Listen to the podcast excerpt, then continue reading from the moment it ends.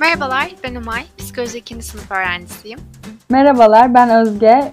3. sınıf psikoloji öğrencisiyim. Aynı zamanda işletme yandal yapıyorum. Okuyan Özde de denetim kurulu üyeliğimi sürdürüyorum. Bugün LGBTİ Kulübü ve Okuyan Özü'nün ortak etkinlik olarak düzenlediği okuma etkinliğimizde okuduğumuz kitap Giovanni'nin Odasını konuşacağız Özge ile birlikte. Ben çok basit bir soru yöneltmek istiyorum. O basit soruyla açılış yapalım. Kitabı beğendin mi? Aslında kitabı ben çok beğendim. Çünkü hani şey derler ya insan yaşamadığı şeyi veya hani başka birisinden duymadığı şeyi bu kadar net bir şekilde ve aslında kalbe hitap ederek yazamaz. Ne kadar hani iyi yazan bir yazar bile olsa aslında çok yüzeysel kalır ve yani sadece hani edebi bir eser olarak kalır. Ama bu Giovanni'nin Odası yani James Baldwin'in kitabı bence kalbe aşırı derecede hitap ediyor ve gerçek bir e, şey yaşantı gibi yani. Sanki onu yaşadım kitabın içindeyken.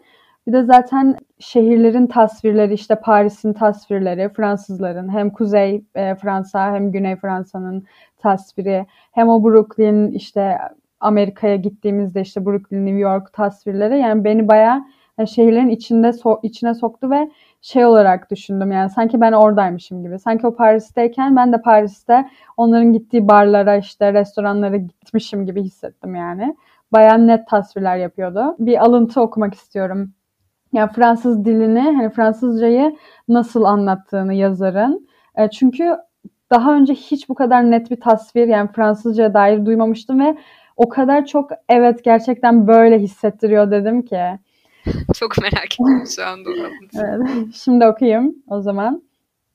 Bu tuhaf bir şekilde ölçülü ya da ölçüsüz, genizden konuşulan dil bana zaman zaman çırpılmış yumurtayı, bazen de yaylı sazları ama en çok da ihtirasın sonunu ve tortusunu anımsatırdı.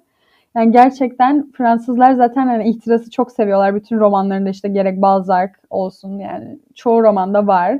Ee, ve hani herkesin e, evliliğinde bir ekstra sevgilisi olur yani bu bütün romanlarda. Ee, gerçek hayatta da bu böyledi diye düşünüyorum. Romanlarda işlemişse bu kadar çok. Ee, ve hani gerçekten o genizden gelen ses yani çırpılmış yumurta falan hani bu böyle benzetmeler gerçekten dedim ki hani hmm, yani herhalde tasvirin en son noktası olabilir. Çünkü uzun zamandır okuduğum kitaplarda bu kadar yoğun bir tasvir yoktu. Ve Güney Fransa'ya dair mesela işte o kasaba, kasabalık işte Kuzey Fransa çünkü daha metropol özellikle Paris. E, ama Güney Fransa daha böyle kasaba tarzı, e, daha aslında e, belli bir kesimin yaşadığı yer yani dedikodu çok çabuk yayılıyor daha bağnaz. Aslında hani Kuzey Fransa'nın biraz daha bağnaz olması gerekiyor çünkü şey e, denize veya okyanusa kıyısı yok. Fakat Güney Fransa'nın bu şekilde hani kasaba kenti e, olması ve bağnaz olması birazcık beni e, şaşırttı diyebilirim. Orada mesela eşcinsellerin barınması daha zor Paris'e kıyasla. Çünkü daha metropol bir şehir. Yani Almanya'daki Berlin e, versus Hamburg falan gibi. Ama şey e, mesela Güney Fransa'da da yaptığı bir tasvir hani Giovanni'nin pardon David'in trene bindiğindeki o şeyi, tasvirleri. İşte herkes e, aslında hani birinci sınıfta oturmuyor ama sanki birinci sınıftaymış gibi hareketler yapıyorlar ve e, aslında o kadar o kadar, o kadar aslında o kadar e, konforlu bir yer olmamasına rağmen asla hiç istiflerini bozmuyorlar ve sanki birinci sınıf VIP insanlarmış gibi veya orada oturuyorlarmış gibi davranıyorlar. O Fransızların hani üstten bakışını çok iyi tasvir ediyor. Veya mesela Güney Fransa'da hava kötü olsa bile onların hani şehirlerini kötülememek adına hava çok güzel, ne kadar da güzel demeleri, asla hiçbir şey kabul etmemeleri e, çok hoş yani tasvir edilmişti. Ben kitabı yani çok beğendim çünkü gerçekten sadece bir eşcinsel hikayesi değil bence bu kitap tamamen hani yanlış bağlanmış e, birbirlerine hani psikolojide attachment dediğimiz şey yanlış bağlanmış çocukluğundan beri aslında kişiliğini bulamamış ve bunu da ilişkisinde bulmaya çalışan insanları anlatan bir kitap. O yüzden sadece LGBT bireylerine değil bence tüm hayat yani kadın erkek ilişkileri olsun işte anne çocuk olabilir veya arkadaşlık ilişkileri hepsine uyarlanabilen bir kitaptı. Özellikle Giovanni ile e, David'in sondaki konuşmasına yine değiniriz zaten. O yani bence tüm ilişkiler içerisinde geçebilecek bir konuşmaydı. O kısım beni de çok etkilemişti ve söylediğim pek çok şeye katılıyorum. Yani özellikle o kitap resmen seni içine alıyor. Ben çok hızlı bitirdim kitabı ve başlarken de kitabın dünyasına girmekte hiç zorlanmadım. Çıkarken biraz zorlandım. Ee, ancak bir değinmek istediğim bir noktada şeydi. Mesela ben bu kitabı elime aldığımda neden bilmiyorum. İlk birkaç sayfasını okuduktan sonra bu kitabın sonunun biraz hüzünlü biteceğine ben emindim. Yani daha önce konusuyla ilgili bir araştırma yapmamıştım ya da yazarla ilgili bir araştırmam yoktu. Ama nedense işte bu kitabın karakterinde bir eşcinsel, baş karakterinin bir eşcinsel birey olması ve daha sonrasında işte babasıyla kurduğu ilişkiyle başlaması şeye, e, hikayeye. Nedense içimde dedim ki o zamanlarda böyle bir yazar eğer bu konuyu ele alıyorsa bunun sonu herhalde iyi bitemez gibi bir kafamda ön yargı varmış. Aslında evet bitmedi. O ön yargı bir noktada haklı çıkardı. Ama bir açıdan da üzdü beni haklı çıkmak. Yani burada haklı çıkmak istemiyordum aslında. Senin o söylediğin gibi en başta babasıyla ilişkisinden kalan belirli bağlanma şekilleri, daha sonra işte nişanlısıyla olan ilişkisi, daha sonra Giovanni ile tanışması, bütün o sarsıntılı aslında hayatı bir noktada ben çözüme kavuşsun istemiştim. Yani bir mutlu son dilemiştim aslında. Ama o zaman o kadar gerçekçi olur muydu onu bilmiyorum. Yani şimdi o zaman eğer öyle bir son olsaydı senin söylediğin gibi bu kadar etkiler miydi ve gerçek olduğunu hissettirir miydi hikaye? Ondan emin değilim. Ama şeyi de mesela ben çok sevmiştim. Kitabın başında babasıyla olan ilişkide şey çok ironik yani babasının sürekli olarak erkekliği vurgulaması sürekli olarak onu erkek olması gerektiğini, güçlü olması gerektiğini, ağlamaması, dik durması gerektiğini söylemesi ve ilişkisinde babasıyla her zaman bir duvar set olarak olması.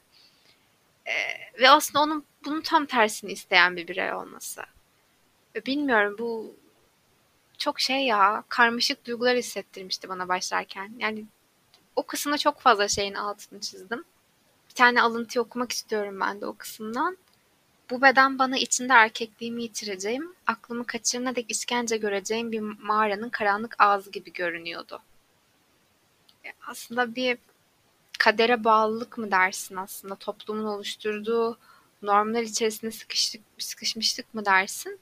Belki de işte James Baldwin'in çok güzel becerdiği şeylerden birisi de bu. Senin söylediğin gibi sadece işte caddeleri ve sokakları değil aynı zamanda o insanın içine kısılmışlık hissini de çok güzel bir şekilde betimlemiş. Ve dediğin gibi çok kolay bir şekilde bağ kurabiliyorsun kitapla. Evet ben de öyle düşünüyorum ve e, babasıyla ilgili söylediğin şeylere de katılıyorum. Yani babası tipik bir beyaz Amerikan Amerikalı ve o dediğin hani duvar koyması da çok kötü bir şey. Zaten dediğin gibi hani o kadar babası şey gibi zannediyor hani çok samimi arkadaş olalım. E, çocuğumla hani arkadaş e, ilişkim olsun baba oğul değil. E, o yüzden de sınırları birazcık kaçırıyor birazcık herhalde hayatıyla ilgili açık seçik hikayeler anlatıyor ve David bunu duymak istemiyor yani o kadar da yakın olmak istemiyor. E, ve çünkü aynı zamanda hani erkekliğe dair hikayeler anlatıyor ama David böyle bir insan değil ve bunlar ona çok rahatsız edici geliyor ve şey diyor yani hani bu kadar da yakın olmak istemezdim bir baba oğul ilişkisi isterim arkadaş değil. Sanırım babasının burada kaçırdığı şey bu ve biraz da aslında nasıl bir baba olacağının farkında değil. Bu yüzden de aşırı ilgisiz kalıyor. Ee, şey hani sürekli işte gece eğlenmeye gidiyor, içmeye gidiyor. David'le ilgilenmiyor. David de zaten hani ilgi çekmek için belki de kazalar yapıyor. Ee, yani ilgi çekmek için kaza yapmıyor fakat birazcık hani e, çok içiyor ve ondan sonra kaza yapıyor. Hani bazı yaptığı olayları babasının dikkatini çekmek için yaptığını düşünüyorum e, bazı noktalarda. Ve aynı zamanda da evde bir anne yoks yoksunluğu var. Fakat bunun yerini doldurmaya çalışan bir hala var. Ama halasını da o kadar itibar etmiyor. Çünkü e, halası biraz sert. E, ondan sonra aşırı makyaj yapan ve aşırı histerik bir kadın. Yani sanırım onun da geçmişinde hani bir partner bulamama, e, kendini beğendirememe eksikliği var. E, o yüzden de e, bunu aşırı makyaj, işte aşırı sesli kahkahalarla kapatmaya çalışıyor. İşte mesela evde ne zaman e, parti yapsalar yani babasının arkadaşları, e, halasının arkadaşları, e, halası da e, erkeklerle flört ediyor, babası da kadınlarla flört ediyor ama halası her zaman e, David'in işte babası yani erkek kardeşinin kadınlarla flört etmesini istemiyor fakat kendisi erkeklerle flört ediyor vesaire. E, tabii ki bunu belki de David'i e, korumak için yapıyor. Çünkü babasının hani başkalarıyla e, başka kadınlarla eğlendiğini gördüğünde hani e, bilmiyorum bir çocuk için ne kadar sağlıklı olur vesaire diye düşünüyor olabilir. Fakat kendisi de aynı şey yapıyor.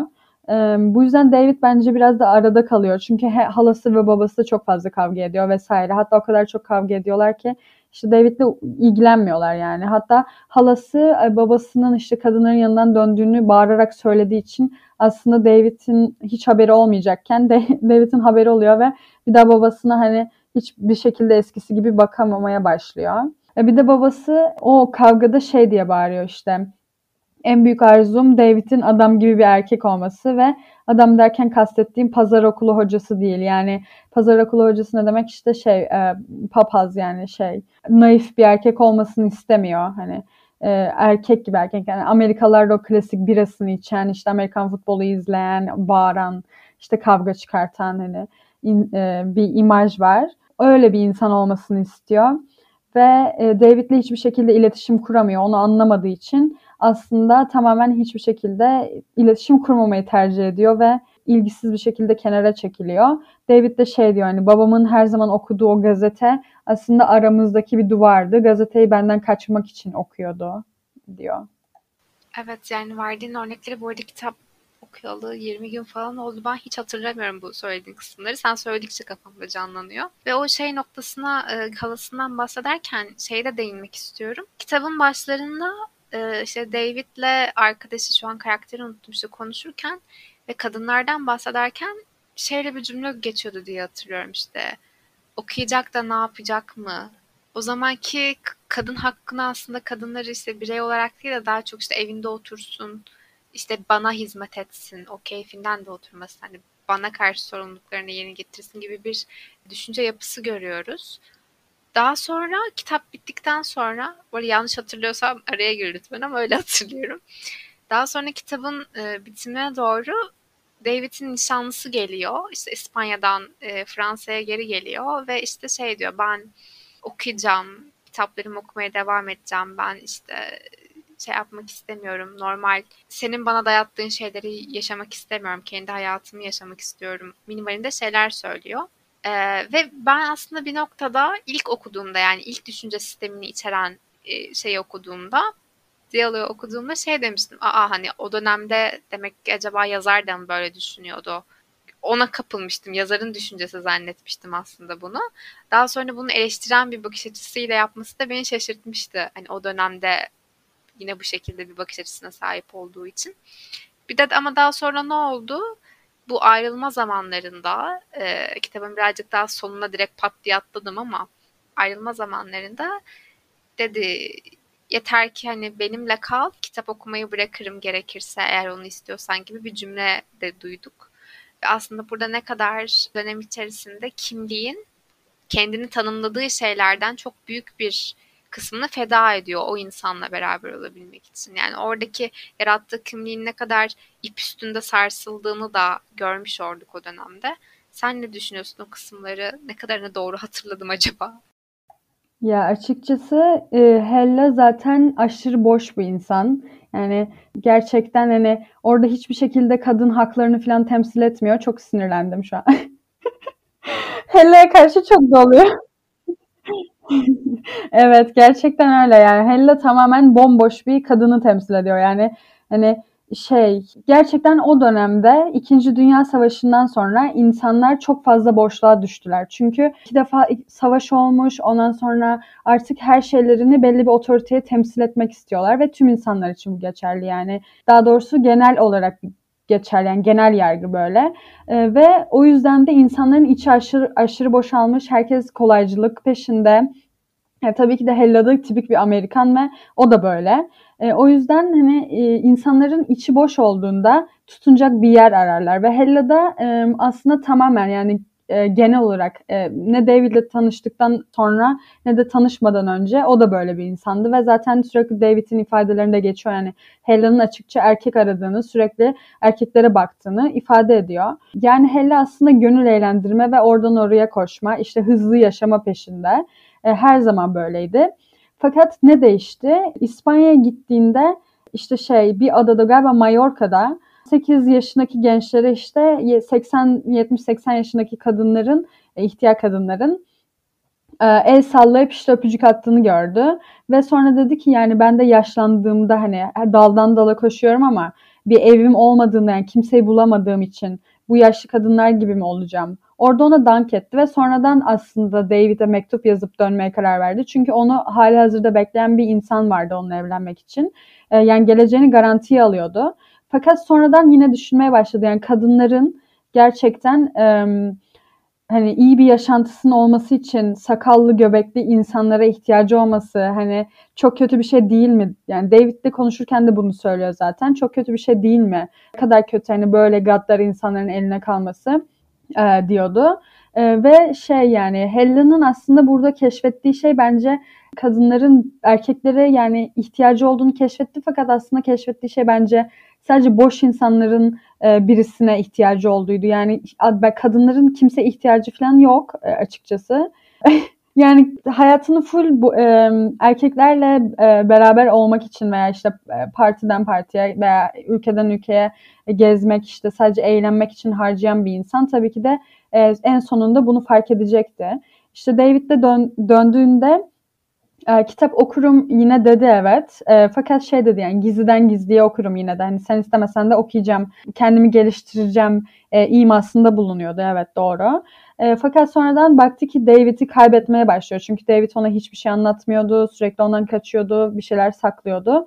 Onu kaybedeceğini düşündü. Çünkü hani tutunacak başka hiçbir dalı yok ve yaşının da geldiğini düşünüyordu açıkçası. Hani evlenmek için başka birisini belki bulamayacaktı veya artık hani yıllar geçecekti. O yüzden onu kaybetmemek için hani artık dedi ki tamam artık kitap da okumam yani bırakırım her şeyi. Sadece tamamen tüm varlığımla senin olurum. Sana hizmet ederim. Ya orada Helen'in yaşadığı şey aslında tamamen büyük bir boşluk ve buna bağlı olarak çok büyük bir endişe. Ya bu aslında sadece bir, bir kadında değil herkeste görülebilir ee, bir şey. Ha şey diyecektim ben o Helen'ın hikayesinin böyle devam edeceğini düşünmemiştim kitabı okurken. İşte ilk geldiğinde ve biz onunla ilk tanıştığımızda çünkü biz aslında hiçbir şekilde onun İspanya'da gerçekten ne yaşadığını, ne deneyimlediğini bilmiyoruz aslında. Görmedik. Her şeyi David tarafından gözlemlediğimiz için bilmiyoruz aslında onun hikayesini. O yüzden ben de şey yapmıştım. Diyordum ki David'in gerçeği ortaya çıkardığı zaman ve Helle'ye dürüst olmadığını bir noktada gördüğü zaman ondan bir terk ediş ben bekliyordum. Ben biraz da orada karakter gelişimi e, ve bazı şeylerin farkına varmasıyla daha çok farklı yol olacak diye düşünüyordum ama hayır yani bizim ana karakterimiz David olmaya ve bütün kararları ve bütün çatışmaları e, yaşayan kişinin o olması yolu devam etti. Kitap boyunca bu değişmedi. Hella'da da o yolu izledi. Ama bu arada şey de söylemek istiyorum hazır konu gelmişken. David hiç kızdı mı kitabı okurken?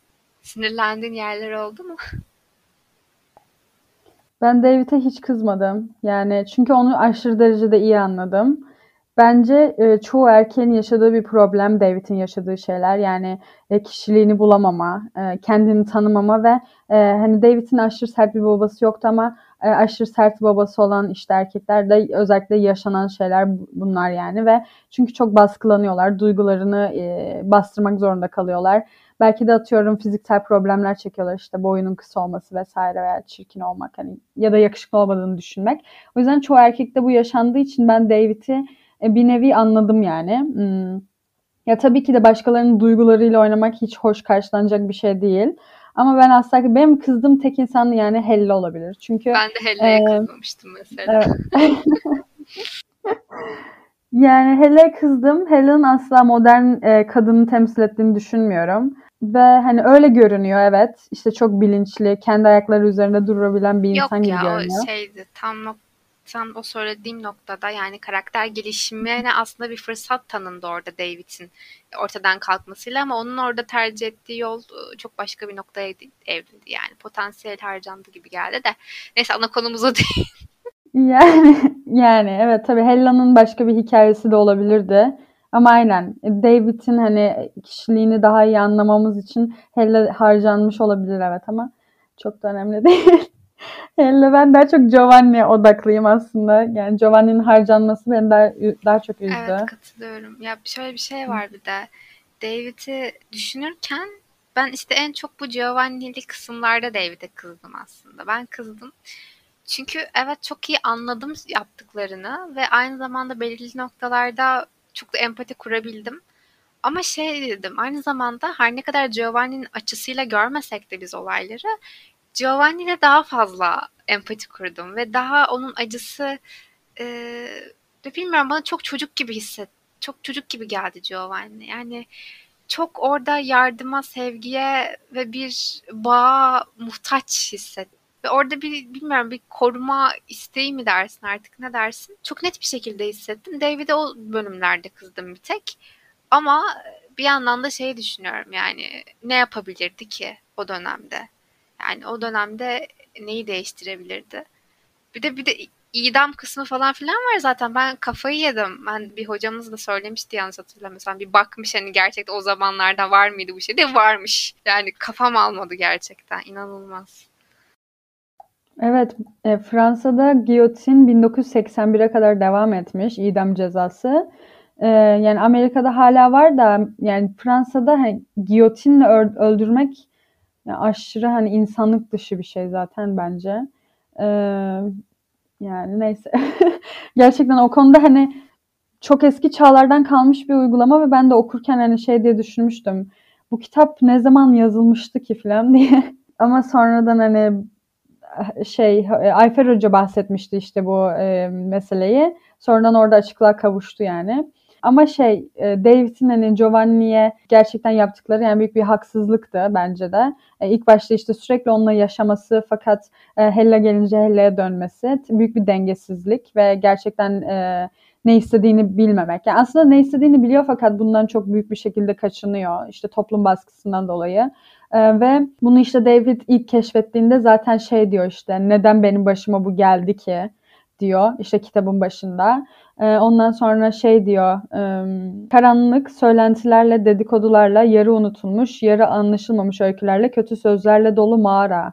Yani bu yaşadığı durumu böyle ifade ediyor. Yani aslında toplum baskısını burada görüyoruz. Hani benim hakkımda acaba neler söyleyecekler vesaire diye düşünüyor.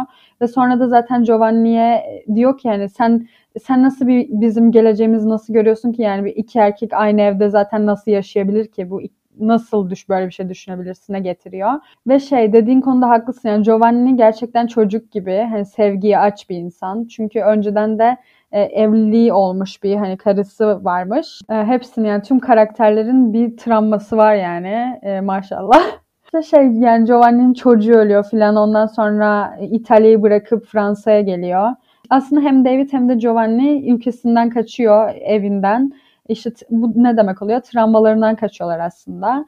E, ve işte Fransa'ya geliyorlar. O dönem herhalde Fransa eşcinseller için en uygun ülkeydi sanıyorum yani ki oraya geliyorlar. Ama şey ikisi de aslında e, sonradan David'in şöyle bir söylemi oluyor herhalde. Travmalarımdan bunları yaşayacağım bilseydim herhalde hiç evimden ayrılmazdım mı? Öyle bir aynen, şey söylüyor. Aynen en başında hatta benim ben de o kısmı şey yapmıştım. Ee, çok dikkatimi çekmişti diyor eğer işte kaçmaya çalıştığım benim aslında bulacağım ben olacağını bilseydim hiç çıkmazdım bu evden diyor. Belki de hani burada şey şeyi bize öğretiyor. Yani travmalarından kaçmak değil de onlarla savaşmak daha iyi olabilir. Ee, yani bunu acı bir şekilde deneyimliyor. Hani bir insan hayatına mal oluyor. Ama Giovanni ya bir de ben şeyi anlamadım. David sürekli mesela e, evde oturan e, bir insan hani başkalarının parasını yiyor. İşte babasından para istiyor veya Jack'tan para istiyor veya Hell'dan alıyor. Veya işte Giovanni çalışırken ondan geliyor ama David yani hiç hiç mesleğim falan yok mu yani ben anlamadım gerçekten. Hiçbir şey yapmıyor. Bomboş. Sadece Paris'e gezmeye mi gelmiş yani anlamadım. ya o da sinir etti ya. Bir ins- ya aklım almıyor insanlar nasıl bu kadar boş olabilir ya. Yani çok sinirli. evet. Yani çünkü biz burada hani bir meslek sahibi olalım, kendimizi geliştirelim diye yırtınıyoruz. Onlar orada Amerika'dan Paris'e cebinde 5 kuruş para yok. Yani hiçbir mesleği yok. Bir, birisinin yanında sığıntı olarak yaşayarak geçiriyor. Ve yani tamam kişiliğini buluyor. Hani e, kişiliğini bulmak için belki bir yolculuk yapılıyor ama yani bence burada asıl gerçekçi olmayan şey bu. Hani o sen demiştin yani hikaye belki mutlu bitse gerçekçi olmaz vesaire. Belki orada evet hani bir nevi kaybolabilirdi o şey ya da bu kadar sarsıcı olmayabilirdi hikaye. Çünkü Giovanni'nin ölmesi asıl sarsıcı yapan. Çünkü kitabın başından beri aslında yazar bundan bahsediyor. Hani Giovanni'nin öleceği günden. Onu da hani merak ediyorsun bir şekilde. Ama e, asıl hani gerçekçi olmayan şey bence David'in hiçbir şey yapmadan yaşayabilmesi yani Ya, ve çok affedersin bölüyorum ama Hı, şeyden evet. noktasından ya o kadar e, ona benzer insan tanıyorum ki. Yani böyle kendisi bir şey yapmayıp çevreden "Cıı, bir şeyler bu kalemun gibi şekil ve renk değiştirerek e, şunu bunu kapan insan yani hiç e, gerçekçi gelmedi bana açıkçası. Yani o konuda David'in bir özelliği deyip geçmiştim. doğrudur yani ama ben beni yine sinirlendirdi. Bir de hani Çok böyle insanlar haklısın. var ya aynen hani bir de David yine tamam hani kötü bir yaşantı sürüyor. Hani parası yok vesaire sefil bir yaşantı. Ama hani bir de şöyle tarzlar var yani hiç hiçbir şey yapmayıp hiçbir iş yapmayıp bir de hani her gün işte e, atıyorum her gün lüks restoranlarda gezenler işte e, pahalı kıyafetler, arabalar, yatlar, katlar filan. Yani bunlar bana daha şey anlamsız ve insanları manipüle eden şeyler olarak geliyor zaten. Ama dediğin gibi David zaten çok da iyi bir yaşantısı yok yani.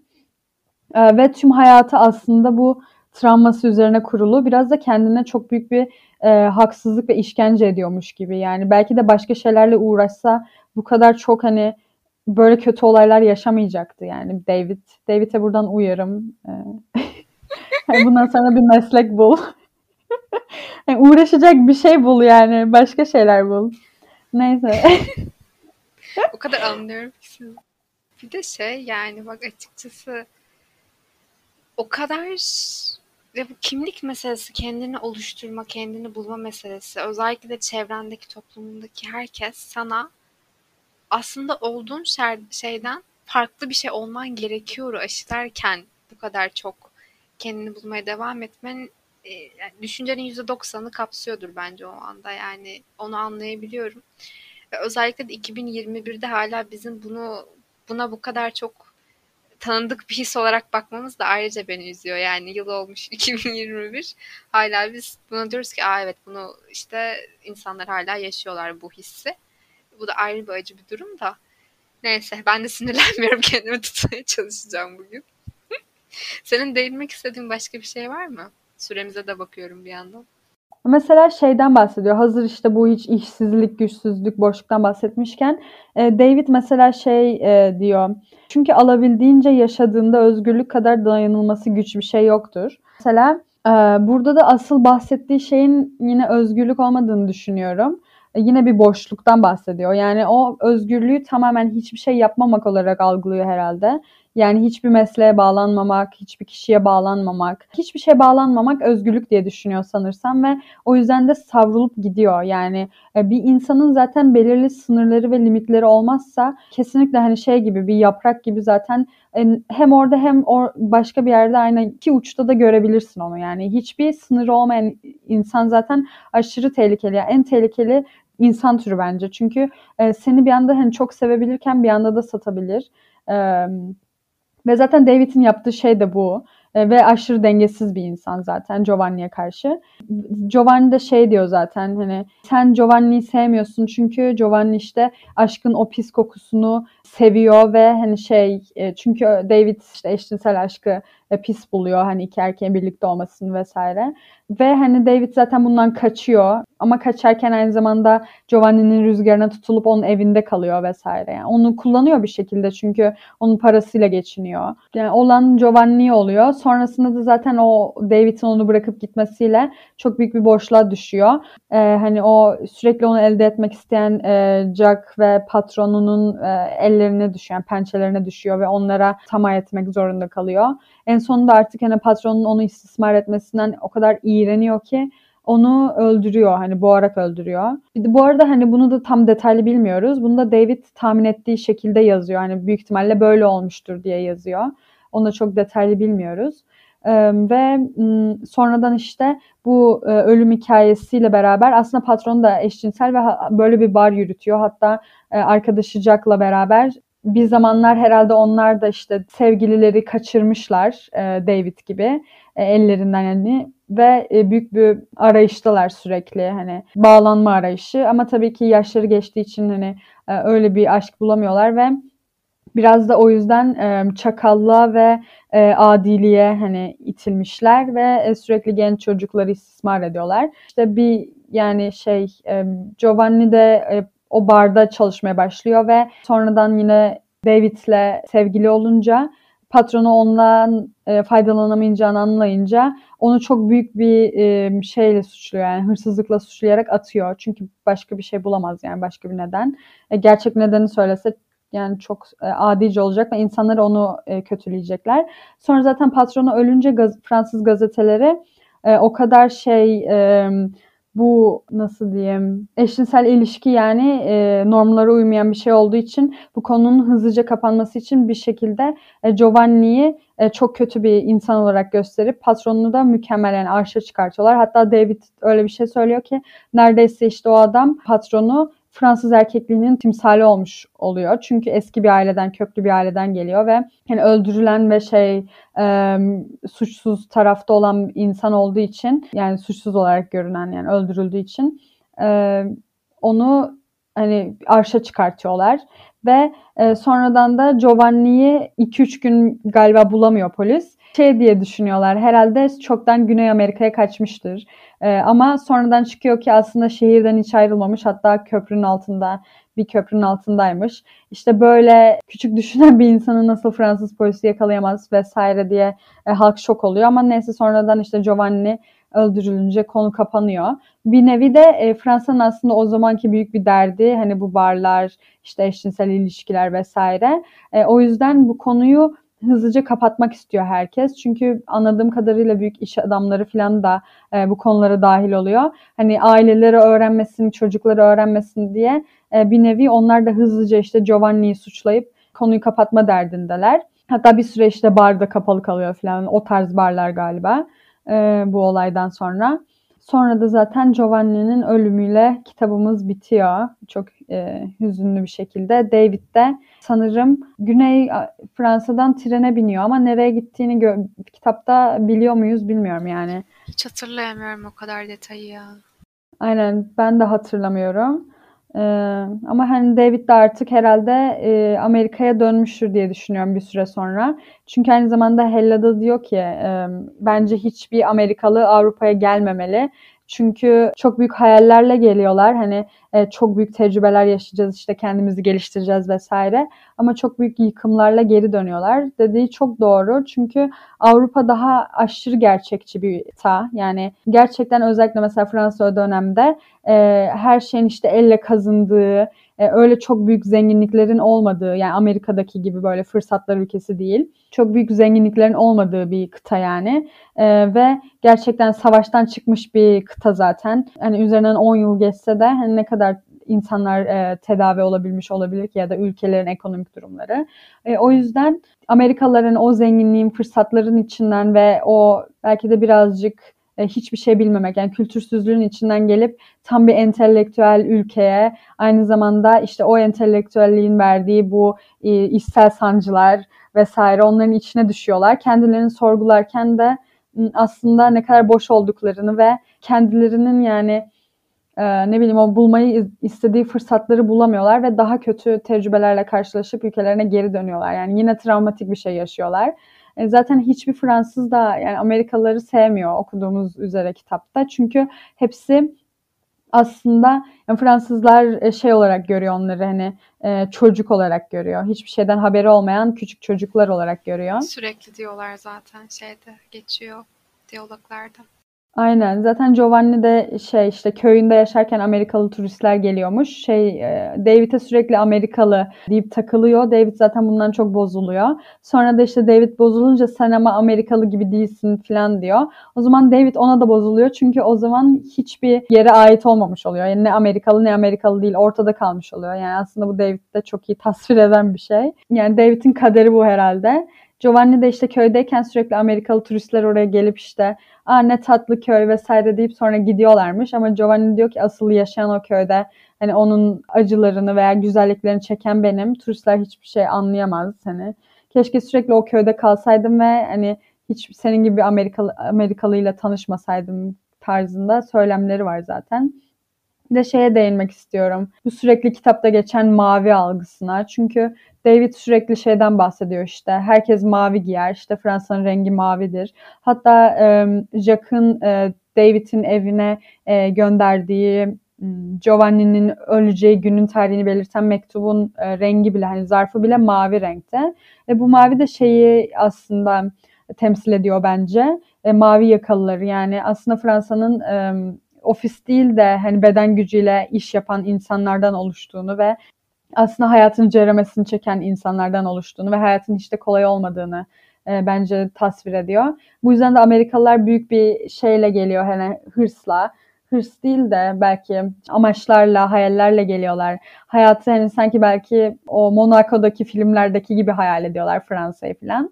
Ee, ya da Paris'i sadece Eiffel Kulesi ve Croissant'dan ibaret sanıyorlar ama sonra gelince tabii ki e, bu insanların çektiği çileleri hani Fransa'nın o alt sokaklarını, yaşam yaşam şartlarını, e, hani hayatın sadece Four Seasons veya Hilton'dan ibaret olmadığını e, görünce büyük bir çöküş yaşıyorlar.